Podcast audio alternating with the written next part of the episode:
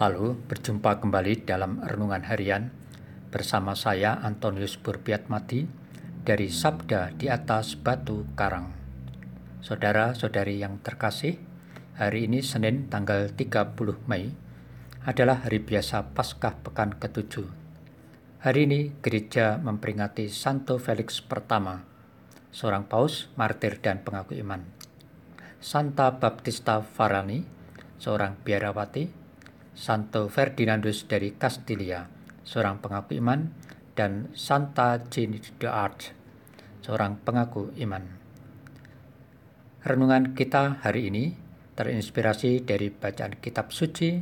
Bacaan pertama diambil dari kisah para rasul pasal 19 ayat 1 sampai dengan 8 dan bacaan Injil suci dari Injil Yohanes pasal 6 ayat 29 sampai dengan 33. Mari kita siapkan hati kita untuk mendengarkan sabda Tuhan. Dalam amanat perpisahannya, Yesus berkata bahwa akan tiba saatnya bahwa ia tidak lagi berbicara dengan memakai kiasan. Maka para murid berkata kepada Yesus, "Lihat, sekarang engkau terus terang berkata-kata dan engkau tidak memakai kiasan. Sekarang kami tahu bahwa engkau mengetahui segala sesuatu dan tidak perlu orang bertanya kepadamu. Karena itu kami percaya bahwa engkau datang dari Allah. Jawab Yesus kepada mereka, Percayakah kamu sekarang?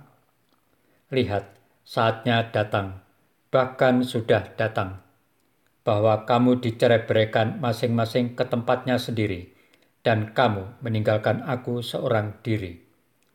Namun aku tidak seorang diri, sebab Bapa menyertai aku. Semuanya itu kukatakan kepadamu, supaya kamu beroleh damai sejahtera dalam aku. Dalam dunia, kamu menderita penganiayaan, tetapi kuatkanlah hatimu.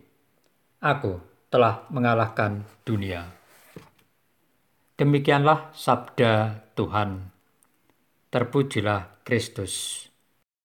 Saudara-saudari yang terkasih, di masing-masing paroki atau keuskupan tentu ada banyak tokoh yang merintis jalan pewartaan sabda Tuhan. Mereka itu entah biarawan, biarawati, atau misionaris gereja, dan bahkan para katekis umat awam yang dengan sukacita memperkenalkan Yesus kepada banyak orang. Seperti para rasul, perjuangan mereka juga mengalami hambatan, bahkan tantangan yang membahayakan hidup mereka. Berkat pemberitaan mereka yang senantiasa disertai oleh Roh Kudus, akhirnya banyak orang mengenal dan percaya akan Yesus di berbagai pelosok, kini sudah banyak gereja tempat kesatuan beriman mereka. Bagaimana dengan diri kita? Adakah kita juga sudah melakukan pemberitaan tentang Yesus? Saudara-saudari yang terkasih, dalam Injil hari ini, Yesus mewariskan tugas misinya kepada para rasulnya. Yesus menyadari bahwa dalam keberlanjutan dari misinya di dunia akan penuh dengan tantangan yang membahayakan hidup mereka. Maka Yesus menguatkan hati mereka. Yesus meneguhkan hati mereka bahwa Yesus telah mampu mengalahkan dunia, maka para rasul hendaknya juga mampu melakukan demi kerajaan Allah. Untuk itu, Yesus mengendaki mereka untuk selalu menyatukan dengan dirinya lewat Roh Kudus agar mereka mengalami damai sejahtera dalam tugas pewartaan Injil.